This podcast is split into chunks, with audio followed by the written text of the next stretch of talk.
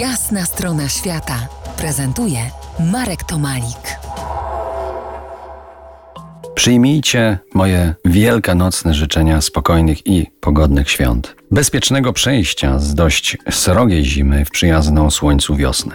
Pamiętam wielkanocne przemarsze śmierguśników Śmierguśnicy, czyli wielkanocni przebierańcy, stukali do drzwi domów i to nie tylko tam, gdzie były fajne panny na wydaniu. Niejedną doktor przebadał, kuchennym lejkiem osłuchał, a Żyd z przepastnej walizki części używanej garderoby za całusa albo i wódkę oddawał. Tak, za flaszkę wódki czy wina, wtedy tylko domowego wyrobu, panna, czy chciała, czy nie, dostawała fragment tego, co się nosi pod spodem, oczywiście używany i to nieznanego pochodzenia. Lepiej było nie pytać, czyje to, skąd to, bo to otwierało wiele niebezpiecznych dyskusji. Te najbardziej niechciane zdobiły druty elektryczne jeszcze długo po Wielkanocy. Śmiergłosińcy po zakończeniu obchodu domów mieli świetną zabawę w rzucaniu pończoch, rajtus, halek, halterów i staników właśnie na druty średniego i niskiego napięcia. A po tym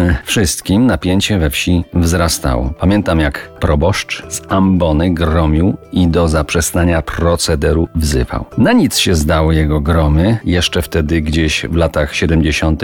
i na początku 80.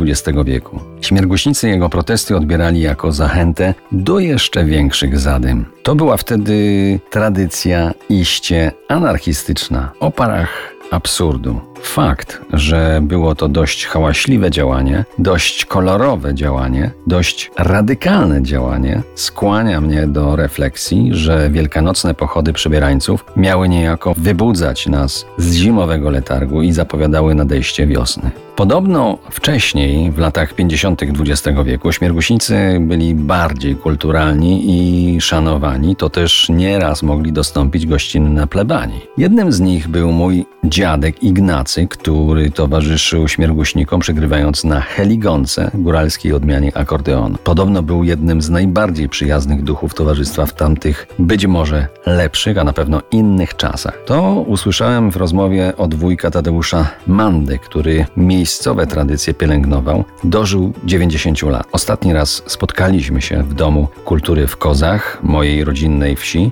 kiedy próbowałem porównać tradycje lokalne z tymi z dalekiego świata, a było to jakieś 3 lata temu. Ten wielkanocny zwyczaj krążenia po domach przebierańców jest dla mnie pretekstem do opowiedzenia o mojej wsi rodzinnej, o Kozach, gdzie spędziłem szczęśliwe pierwszych 20 świąt wielkanocnych mojego życia. To nietypowa wieś. Opowiem o niej więcej w następnych odsłonach po jasnej stronie świata.